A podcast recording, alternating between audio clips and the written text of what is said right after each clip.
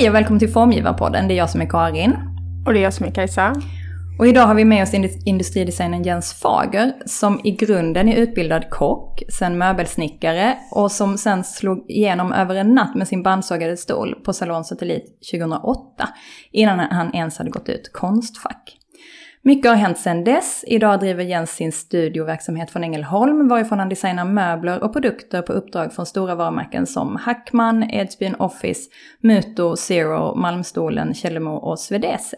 Hej och välkommen till Formgivarpodden Jens. Hej, tack. Roligt att få vara här hemma hos mm. dig. Ja precis, för vi är ju hemma hos dig så det är kanske... ja. Ja. Um, ja men du arbetar ju med att designa produkter och möbler i en minimalistisk tappning. Uh, hur skulle du beskriva essensen av din formgivning? Ja, men jag tycker just ordet essens är ganska bra beskrivning av vad vi försöker fokusera på. Uh, för mig är det alltid uh, någonting som jag börjar med, en lampa till exempel. Mm. Vad är lampans grunduppgift? Jo, men det är att bringa ljus till oss, liksom, där vi behöver det. Är det en arbetslampa så ska den ge ett bra arbetsljus. Liksom. Så det, och en stol för mig till exempel, den, den ska först och främst vara komfortabel att sitta i. Liksom. Det, det är stolens uppgift. Sen har man ju flera parametrar liksom att, att ta hänsyn till för gällande produktion och material och så vidare. Liksom. Men jag skulle säga att grunduttrycket i, i produkterna som vi landar i eh, kommer lite från liksom vad huvuduppgiften med produkten är. Liksom. Eh, sen är det såklart en lång process som, som ger uttrycket till, till självaste produkten. Men eh, lite här grundtanken på, på studion vi har. Men alltså, in other words, typ funktionaliteten står först och avgör och sen lägger man på de här andra lagren? Ja, men funktionaliteten absolut. Den, den, den är, det är utgångspunkten.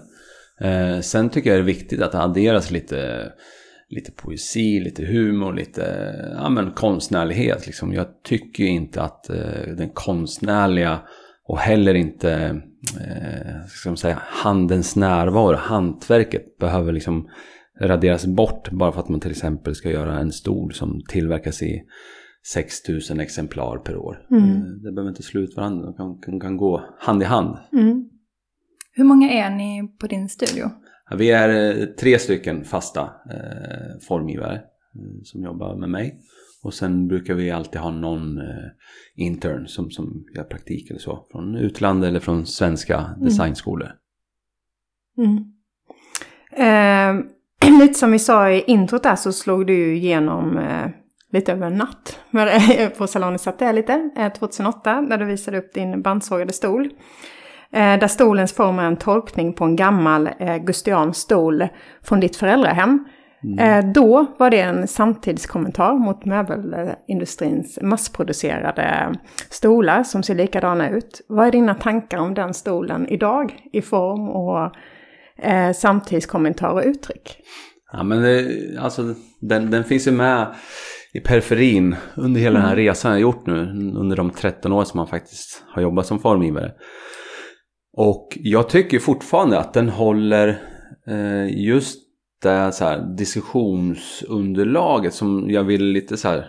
Jag tänkte nog inte så jäkla mycket då. Men, men det var ju lite en, en kommentar till dåtiden. Då var det mycket vitt, slätt, vitt mm. och ljus. Liksom alla så här lägenheter man såg som låg ute då bodde vi i Stockholm, var ju så här vita, fräscha, slätt, blankt. Eh, lite mm. så Apple-estetik mm. om man kan kalla det så. Så det här var en liten motreaktion till att så här, återkomma till det här taktila, det riktiga liksom, materialet, liksom, känna det på riktigt.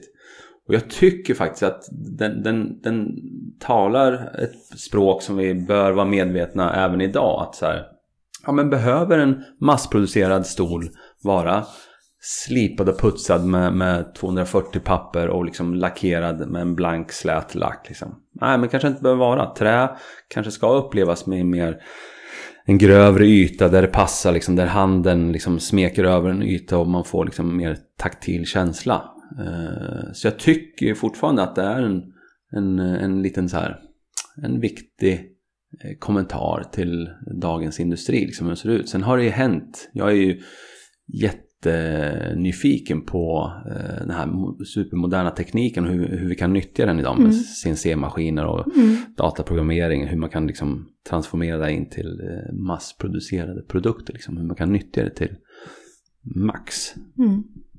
Ska jag berätta en sak? Ja. Jag pluggade ju i Rom då.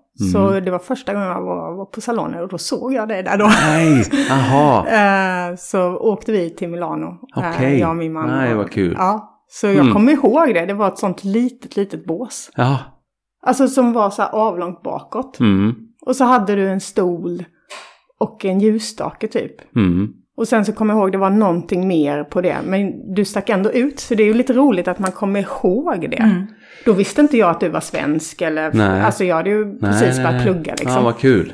Ja. Ja, men eh, faktiskt min, min grundtanke till den utställningen var att dels hade jag inte så himla många grejer att visa upp men, men jag ville göra lite, då lite cartoonish, alltså det hade papper, stora gråa ark papper som satt på väggarna och sen var det de här bandsågade eh, arketypiska produkterna eller eh, trä, trämöblerna som stod där. Och jag ville hålla för, för min upplevelse var från mässor att ju fler grejer desto svårare är det att liksom uppfatta och registrera saker Ja. och ting. Så, så jag ville verkligen så försöka skala bort och Mm. det var ingen så här jätteeftertanke men det, det funkade bra just då i alla fall Mm. på den tidpunkten. Men och vad hände då? Du, du ställde ut i... Ja, jag ställde ut det. Jag, jag åkte ner eh, och ställde ut de här grejerna. Jag vet att Swedese hjälpte mig faktiskt att skeppa ner grejerna för det var ju jättedyrt att skicka ner grejerna. Det hade inte jag råd med som student. Och så åkte jag ner där helt själv eh, och ställde ut. Och sen redan första dagen så, så bara vart det så här märkligt uppmärksamhet. Så många som kom och man hörde liksom ja, det var många som, ja, det bara ökade och ökade under dagen. Och sen dagen efter när, när, när pressen började välla in då, då var det, då minns jag, då var det nästan kö utanför med press som ville göra intervjuer och filmteam och det, var, det var galet. Och jag, jag, jag kunde liksom inte, jag, jag kunde bara liksom vara där och försöka hantera varje person som kom fram och svara på alla frågor man fick och men det var liksom lite bisarr upplevelse. Eh, Samtidigt såklart jättekul liksom. Eh, men det var inte många pauser och ni vet ju själva hur, hur långa dagarna kan bli på en mässa liksom. Man är där tidigt och sen bara sent på eftermiddagen. Man står upp hela dagen liksom. Så det var ju så här. Var ganska mastigt liksom. Mm. Eh, så det var någon gång då skrev man bara en skylt så här. Jag är iväg och dricker kaffe och äter mat liksom. Kommer tillbaka om ett tag liksom. Eh, så var det tomt i montern. Men, men, eh, men då träffade man ju flera producenter, journalister och gallerister världen runt. Och, ja, men det var ju en jättespännande upplevelse. Mm. Och, Mm.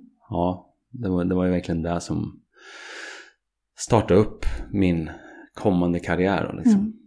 Det är inte många som får den skjutsen Nej. så initialt. Ja, men jag du nämnde det tidigare att jag jobbade som kock tidigare. Och Mm. jag hade väl, det var någonting som jag hade med mig att jag fick ju eh, horn i huvudet av den där eh, mässan där. Och det tände så mycket energi. Så jag tänkte det här måste jag verkligen ta tillvara på. Så jag jobbade stenhårt därefter liksom eh, med att få till utställningar och följa upp alla så här, skicka bilder och grejer liksom. Och körde i järnet därefter liksom. Mm. Och det var väl liksom en del till att ja, men det rullade igång så många projekt som gjorde sen efteråt. Mm. Eh, det var så här sömnlösa nätter på, då var det KKV, liksom deras eh, verkstäder och snickrade möbler till utställning i, i Vancouver som jag hade och i Tokyo och i Amsterdam och ja, verkligen så här spridda utställningar runt om i världen. Eh, ja, men då hade man inga barn heller så bara Nej, köra Nej, på. bara här, lite annat. Kom i rätt, rätt tillfälle. Ja, verkligen. Men eh, du har ju nu nyligen eh, gjort ett eh, samarbete med Tommy Millimäki. Mm. Där du har designat en serie köksredskap under namnet Nui. Nui. Nui. Mm. Ja. Nui. Eh, kan du berätta lite mer om det projektet? Ja, nej men det, jag och Tommy vi är goda barndomsvänner från Katrineholm. Och eh, eh, vi gick båda på restaurangskolan, han gick ett år över.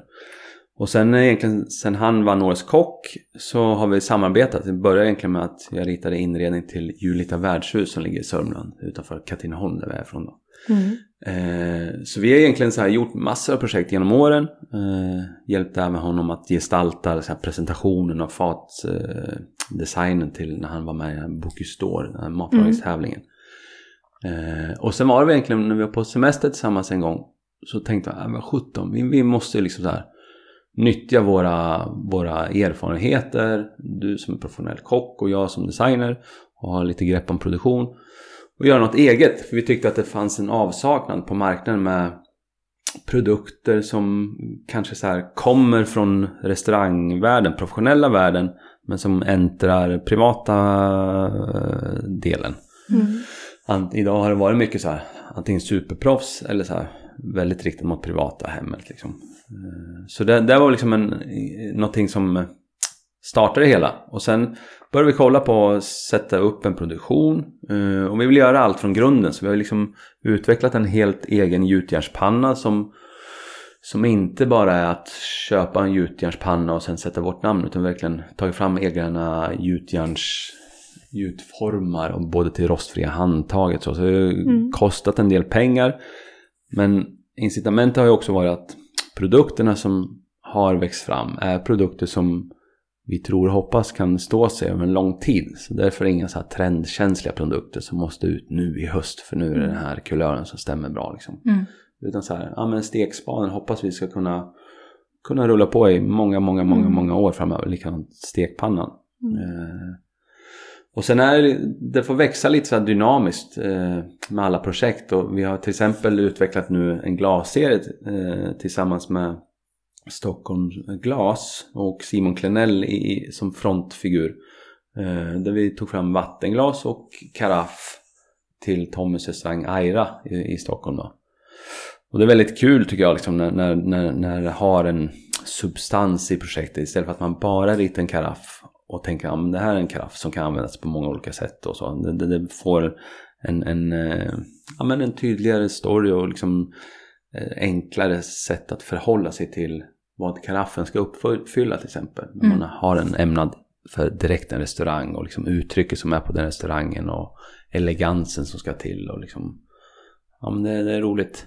Mm. mm. Eh, så tanken är att ja, men det ska fortsätta växa och vi, vi har ingen brådska med det här projektet utan det får liksom allt är ganska automatiserat kan man säga med webbshop och lager och så. så det, ja. Men är det bara ni liksom? Som är både liksom säljare och allting? Ja, men vi, just nu har vi driftat ganska mycket själva. Mm. Eh, framförallt från våran studio. Mm. Tanken är väl att vi ska få in någon person som kan i början vara lite allmän ninja och ta hand om både försäljning och, och, marketing och så vidare. Liksom. Och sen får vi se vart det eh, bär hän. Liksom. Mm. Eh, man kan ju ta in kapital liksom, och mm. växa ännu mera. Eh, men, men än så länge så känner jag att vi vill forma det eh, fritt och mm. inte känna att någon annan delägare går in och styr för mycket. Liksom. Nej.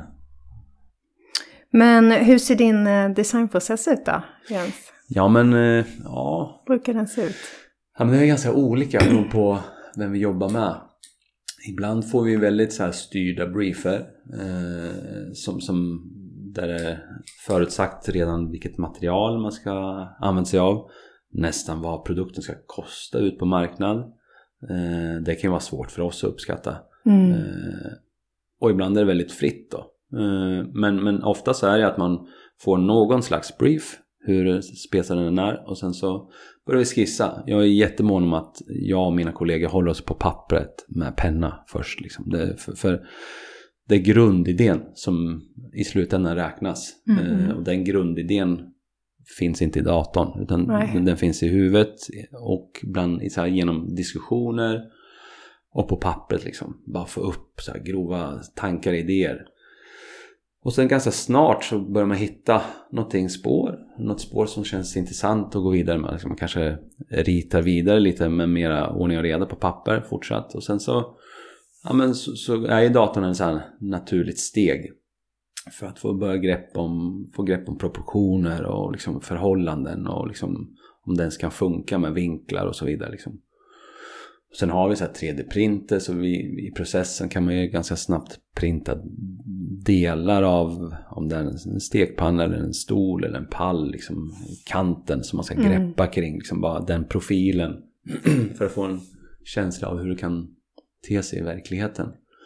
Eh, och sen så när vi börjar rita upp till datorn så, så gör vi ju vidare sen då en presentation.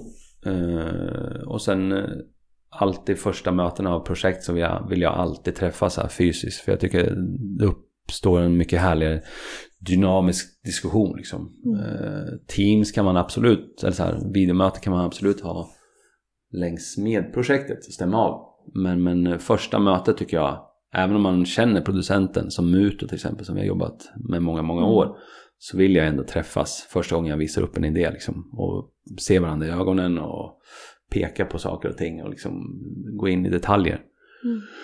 Och så visar man upp de här första idéerna och sen eh, får vi ju massa feedback och sen tar vi med oss det här hem till vår studio och sen ritar vi vidare. Och sen efter det, när, vi, när båda parter känner att ah, nu börjar det landa i något bra, då är det dags för att ta fram lite samples, lite prototyper. Fysiska, skala 1 till 1 om det är en stol eller soffa eller lampa eller så.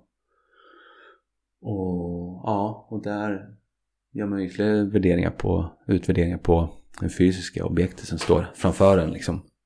Eh, och det är väl någonting som man börjar få mer och mer grepp om hur saker i datorns tredimensionella värld kan te sig i verkligheten. Man kan få mm. en feeling för att ah, det där kommer inte bli bra i verkligheten. Det där kommer bli, benen kommer sluta alldeles för mycket, vi måste dra in det. Och så, så man, men det är, allt kan man inte förutspå såklart. Men eh, grymt eh, verktyg, datorn. Mm. Eh, men eh, vad ligger din drivkraft som formgivare? Ja, alltså drivkraften i att vara formgivare. Ibland så... Eh, jag brukar tänka en hel del på hur många arbetstillfällen jag tillsammans med producenten eller studion tillsammans med producenten skapar. Eh, för ibland kan man ju liksom frågasätta, ah, fasiken, behöver vi rita på den här stolen? Behöver vi en stol till? Behöver vi liksom en, ett glas till? Eh, och kanske lite så fel fråga att ställa sig om man jobbar som formgivare och försörjer sig på det här liksom. Eh, Eller en viktig fråga. Ja, en mm. viktig fråga. Och, och jag, jag, jag, tänker, ja, men jag brukar tänka mycket på det här, liksom, att vi skapar faktiskt arbetstillfällen. Så att andra människor runt om i världen i, i Sverige eller om det nu är någon annanstans i världen får en, liksom, en vardag. De kan gå till sitt arbete och liksom, eh, Eh, jobba med det här jobbet, att producera sakerna. Men även såklart att tänka sig in i människors vardag och de här objekten som, som, de, som vi har ritat för människor. Allting vi gör är för andra människor och eh, målet är att vi ska kunna bidra med, med en lite bättre värld för, för människor runt om i världen. Och göra vardagen lite enklare, eller lite roligare, eller lite vackrare, eller ja. Och sen, sen har vi alltid ett ansvar. Eh, och det är ju så här, tycker jag, väldigt spännande den här resan som, som egentligen bara påbörjar med, med ansvaret kring eh, klimatpåverkan ja. och mm. våran uppgift kring det. För det, det, det, är en stor uppgift vi har. Mm. Eh, både vi som formgivare och eh, producenter och konsumenten att ställa högre krav. Så tillsammans liksom kan vi vrida det till en bättre riktning. Mm. Men det är jättemånga faktorer att ta ställning till. Eh, men det gäller liksom att vi är medvetna om varje val vi gör i processen och att vi ja, sakteligen eller sakteligen skulle behöva gå ännu snabbare eh, med allting liksom. Men vi måste vara medvetna i all, alla val vi gör liksom, mm. till mm. det bättre liksom. Känner du att du har makten att påverka det när du samarbetar med producenter eller för ditt egna märke? Vad är det nu? Uttalar jag rätt? Nui? Nui, ja. ja. nej men absolut. Det har man ju möjlighet att påverka. Uh, I Nui kanske ännu mera. Uh, men även liksom företag som Muto, de är ju väldigt öppna med om jag har ett material som jag har liksom nosat upp någonstans som har liksom ja, men så kanske är lite bätre än något annat existerande material. Så, så är de väldigt öppna på att liksom låta deras tekniker göra en undersökning av det materialet och liksom kolla upp det. Mm. Om det verkligen är bra. Mm. Eh, men sen är det liksom, det är, det är alltid det är en stor utmaning med nya, nya tekniker och produktionstekniker. För, för det krävs också, för att få till en massproduktion så krävs det kanske också helt andra maskiner liksom, som kan Mm. hantera de här materialen. Mm. Och det är ju inte alla företag som har de resurserna liksom, att, Mm. att eh, ta sig an den uppgiften. Så det är, det är liksom en stora utmaning. Så det vill ju till att framförallt de stora drakarna, eh, stora producenterna som har en, en, eh, ja, men en ekonomisk eh, grund, att de tar det ansvaret. Mm. Mm. Eh, För de banar iväg också för de mindre producenterna, att de kan hänga med på det här tåget också Mm. och bli bättre. Mm. Ja, verkligen.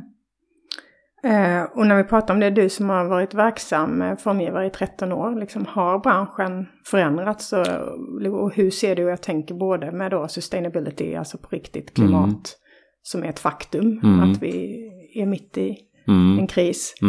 Mm. Eh, och annat tänker jag så här, kvinnligt och manligt har ju varit väldigt mansdominerat. Har du sett Mm. liksom en förändring under de här 13 åren eller hur Ja, är din upplevelse också som man kanske i, i Mm. den branschen? Nej men absolut, det har skett en förändring. En, eh, ja, men, ur, ur miljöaspekten en eh, mycket stor förändring skulle jag vilja säga. Liksom. Mm. Eh, det är, det har ju gått från eh, i, alltså, eller väldigt liten medvetenhet kring miljö, miljöpåverkan Mm. till att man började använda, använda greenwashing-metoden. Ja. Till exempel bara vara duktig. Ecodesign. Ja, ja. ja men bara så länge vi får vår svanenstämpel på det här så är det fine liksom. Sen Mm. hur allting annat ser ut bakom det är inte så himla noggrant. Mm. Eh, mera liksom, för att kunna sälja mera grejer liksom. Mm. Eh, men egentligen kanske man inte brydde sig så mycket. Mm. Men det har ju gått till att, nej men vad fasiken, vi måste ta ett ansvar liksom. Mm. Och vissa företag är ju bättre än andra företag att, och går i bräschen för det hela, liksom, hela utvecklingen. Och för, för, för vissa liksom, det finns inget annat liksom. Mm. För vissa företag så, så är deras nya miljöstrategi, eh, ja men det finns ingen annan väg liksom. Eh, Medan andra, återigen där, kanske inte har resurser att, re, resurser och medvetenhet är två olika saker liksom Mm. man kanske vill men kanske inte har fortsatt möjligheten. Men, men åter till frågan så det har skett jättestora förändringar. Mm. Och även eh, eh, mansdomineringen, även om den är lite för hög i Mm. branschen, fortsatt, fortsatt liksom, det blir ju påtagligt på, framförallt när man kommer på mässor. När, eh, Nej, alla, män- alla männen nyheter sina- är med, från män. Ja, Ja, men, nej, men alla, nej, men alla ja, säljare som kommer med sina orderblock och eh, kostymer och så. Det, det är, ja, jag vet inte, men det, det är inte bara i möbelbranschen. Eh, men, men det har ju blivit bättre och jag bara hoppas att det, det växer sig ännu starkare, liksom, att vi kan göra en stor förändring där också. Eh, ja, Mm. Ja, men då får vi hoppas att det är en ljusare framtid. Ja. Men vad har du i pipelinen just nu? förlåt. Vad har du i pipelinen? Ja, men just nu så jobbar vi eh, bland annat med ett eh, utvecklingsprojekt för Muto. Eh, ett helt nytt projekt och sen utveckling av befintlig ja, produktserie. Mm. Vi har påbörjat ett samarbete med Källemo. Eh, Kul. Ja, det Mm. är superkul. Källemo är ett företag till exempel som eh, jag hade ögonen, eller fick upp ögonen för första gången jag gick på folkhögskola i Grimslöv utanför Växjö. Mm. Mitt egentligen första kreativa år efter jag, jag jobbade som kock. Eh, och då var ju Källemo liksom, ja men det var ju mallen liksom för ja, här, mötet mellan konsten och eh, produktion liksom. Mm. Eh, och är fortfarande så, det var väldigt kul, förra veckan var, eh, hade jag lite så här ja, men lite utvecklingsworkshop med Erik och Karin Lund på Mm. plats liksom. Och det bara rann över mig. Jag är inte så mycket starstruck och så Mm. liksom, men att få stå där. Vi håller på med en, vi håller på med en fåtölj faktiskt för, för eh, Aira, restaurangen eh, bland annat. När vi stod där liksom och bara eh, otroligt rolig ja, tanke liksom att vi bara står där tillsammans. De, de människorna som man på något sätt har sett upp till. Mm. Och deras eh, resa de har gjort med Källmo. Och sen stod vi där tillsammans och utvecklade en, en produkt tillsammans. Det var en väldigt härlig känsla. Mm. Sen har vi faktiskt jobbat mycket med Malmstolen som är så här till grunden ganska, menar, har varit ett väldigt torrt företag som jobbar med ergonomiska stolar. Mm. Men där har vi varit med både deras varumärkesresa och även ritar på eh, många nya produkter. Och där tycker jag att det, där kommer vår roll som formgivare in på ett jäkla härligt sätt. För där känner man att här bidrar, vi, bidrar vi med någonting väldigt Mm. viktigt. Mm. Människor, människans eh, hälsa liksom. Mm. Här ritar vi liksom inte bara en snygg stol till utan här, det här är på riktigt liksom.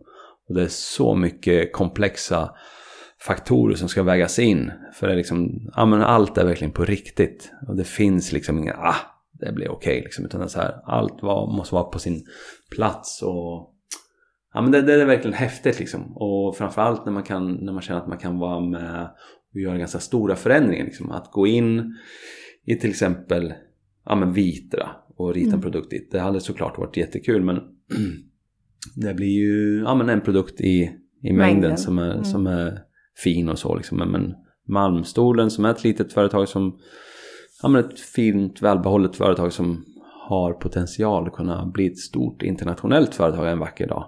Med lite högre nivå i design och ytterligare högre nivå i ergonomi och så. Det, det, ja, men det är spännande. Mm. Men vem är det som, alltså är det de som har, bidrar med kunskapen, alltså med ergonomin, eller är det ni som... Ja men det, det finns en grundstomme och de har liksom så här, en ganska egen eh, ska man säga, studie som de har som, som alla deras stolar eh, grundar sig i en, i en balans liksom, där man sitter lite mer tillbakalutat så kroppen, ryggen får inte det här trycket ovanifrån utan du sitter lite eh, tillbakavaggad kan man säga. Mm. Och sen har det såklart en, en, en komfortabel S-kurvatur och så. Och sen eh, den studien har ju vuxit fram genom året bland annat hos grundarna som, som har eh, införskaffat all den här informationen tillsammans med forskare och liksom studier som har gjorts och, och ergonomer och så. Som man byggt vidare på. Så de har ganska tydlig, eh, tydligt DNA i sitt sätt att ta sig an nya stolar och så. Mm. Så det är inte bara liksom en arbetsstol när man ska dra en massa spakar och höja och sänk liksom. Utan det, det är ytterligare djupare än så liksom med den här liksom vaggan liksom med, med balansen i kroppen. Det liksom avlastar Mm. eh, kroppen på ett annat sätt. Så det, det är väldigt häftigt och sen, sen när man har så givna parametrar att förhålla sig till då blir arbetet på något sätt tydligare. Eh, och inte enklare skulle jag inte säga för det finns ju fortfarande jättestora eh, utmaningar. Men eh, man har tydliga parametrar att förhålla sig till i alla fall. Mm. Mm. Ja, men jag har också en fråga. Liksom, du är ju verksam från Ängelholm och driver din egna studio. Mm. Liksom, ty, ehm, det är mycket som är centrerat i Stockholm eller Köpenhamn då med Muto. Mm. Eller andra företag också Mm. för. Men känner du att det funkar liksom? Ja. Eller att, eh, ja.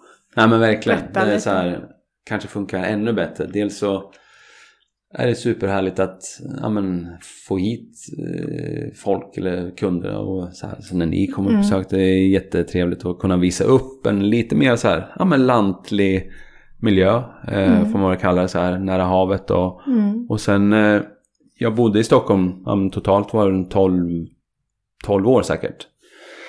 Och kunde där ganska mycket och jag älskar ju storstäder, jag älskar pulsen, jag älskar liksom den här ständigt progressen liksom, som är i storstäder, byggs och liksom utvecklas hela tiden. Men den får man liksom genom alla de här mötesresor man gör till Stockholm och Köpenhamn och andra storstäder. Mm. Det är ganska lagom för mig idag så såklart underlättade det att jag fick en så pass bra start. Liksom. Ja. Så man kunde flytta till en, ja, men annan geografisk punkt. Liksom. Mm. För visst är det en fördel, eh, framförallt under uppstartsprocessen, liksom, att eh, vara baserad i en storstad. Det är Mm. lättare att Mm. bara knyta kontakter och gå ut på galej och mingel och sånt. Liksom. Eh, men jag saknar faktiskt inte alls. Nej. så här. Sen såklart, det, framförallt så här höst och vintertid, då kan man så här sakna lite så här att bara dra ut på ett skönt galleri en söndag liksom, med Mm. familjen. Eh, det är svårt. Mm. Även om det händer lite. Ja. Eh, ja, men till exempel har jag öppnat något nytt här i, i Båstad, så här, Ravinens eh, kulturcentrum. Det, det, det, det har jag faktiskt inte kollat in än men det verkar vara Mm. superhärligt. Mm. Eh, Mm. och sen Luciana har vi alltid och Malmö.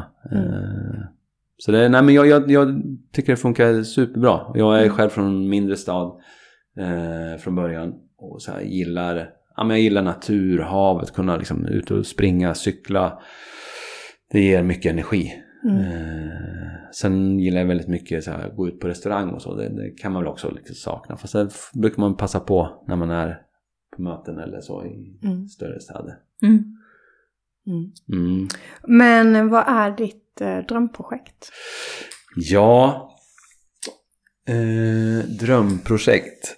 Eh, ja, men jag, jag har lite tänkt på den tidigare och det är nog inte idag.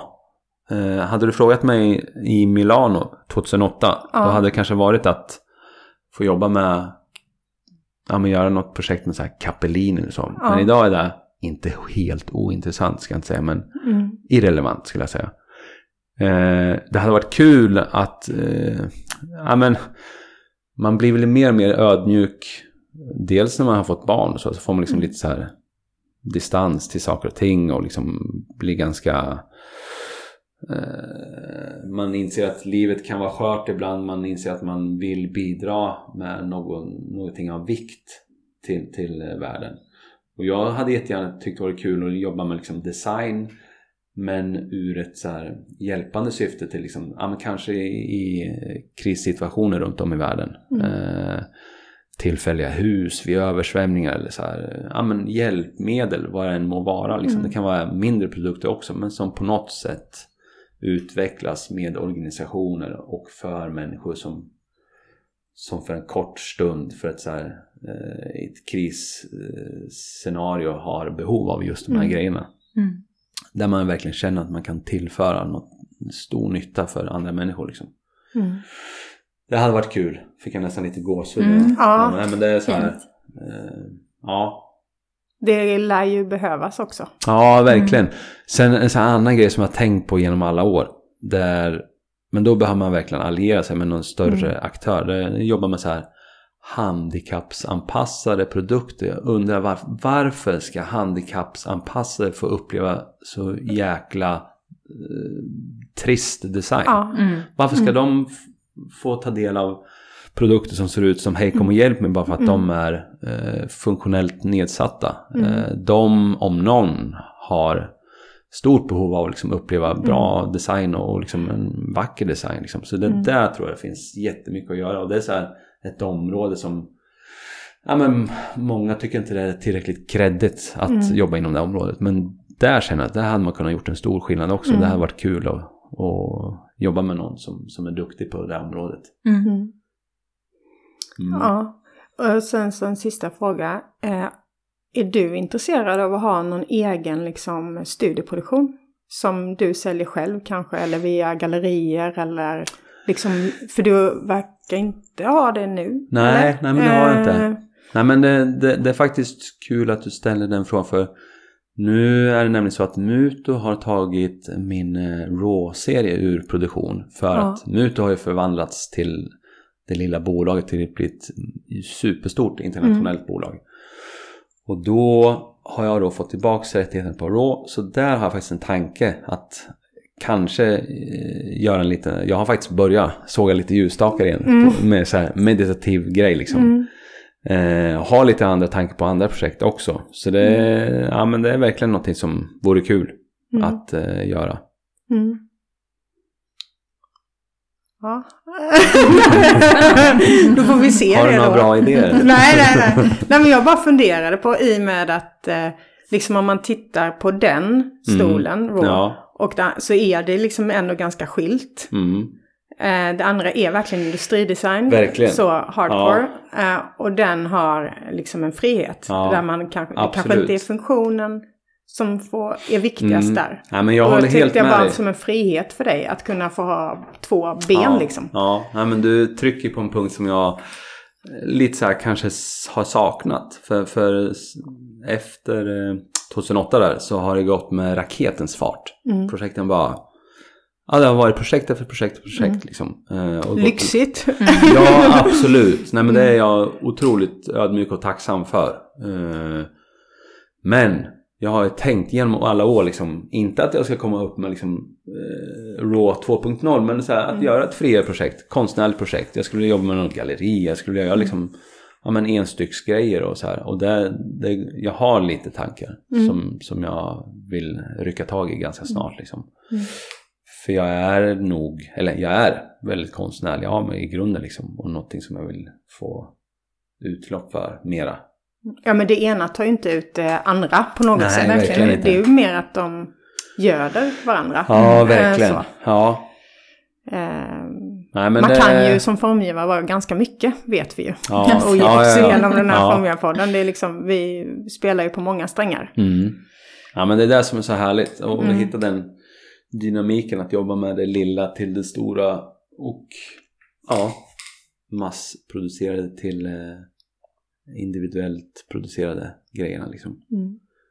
Eh, ja, jag får se vad vi kan hitta på. Ja, får vi hålla koll då. Ja. Men tack så mycket Jens. Mm, det är jag som För ska att du tacka. var med i Formgivarpodden. Mm, Roligt att vara här. Det var Ja. Så roligt att prata med dig. Ja, detsamma. Hej då! Hej då! Hejdå!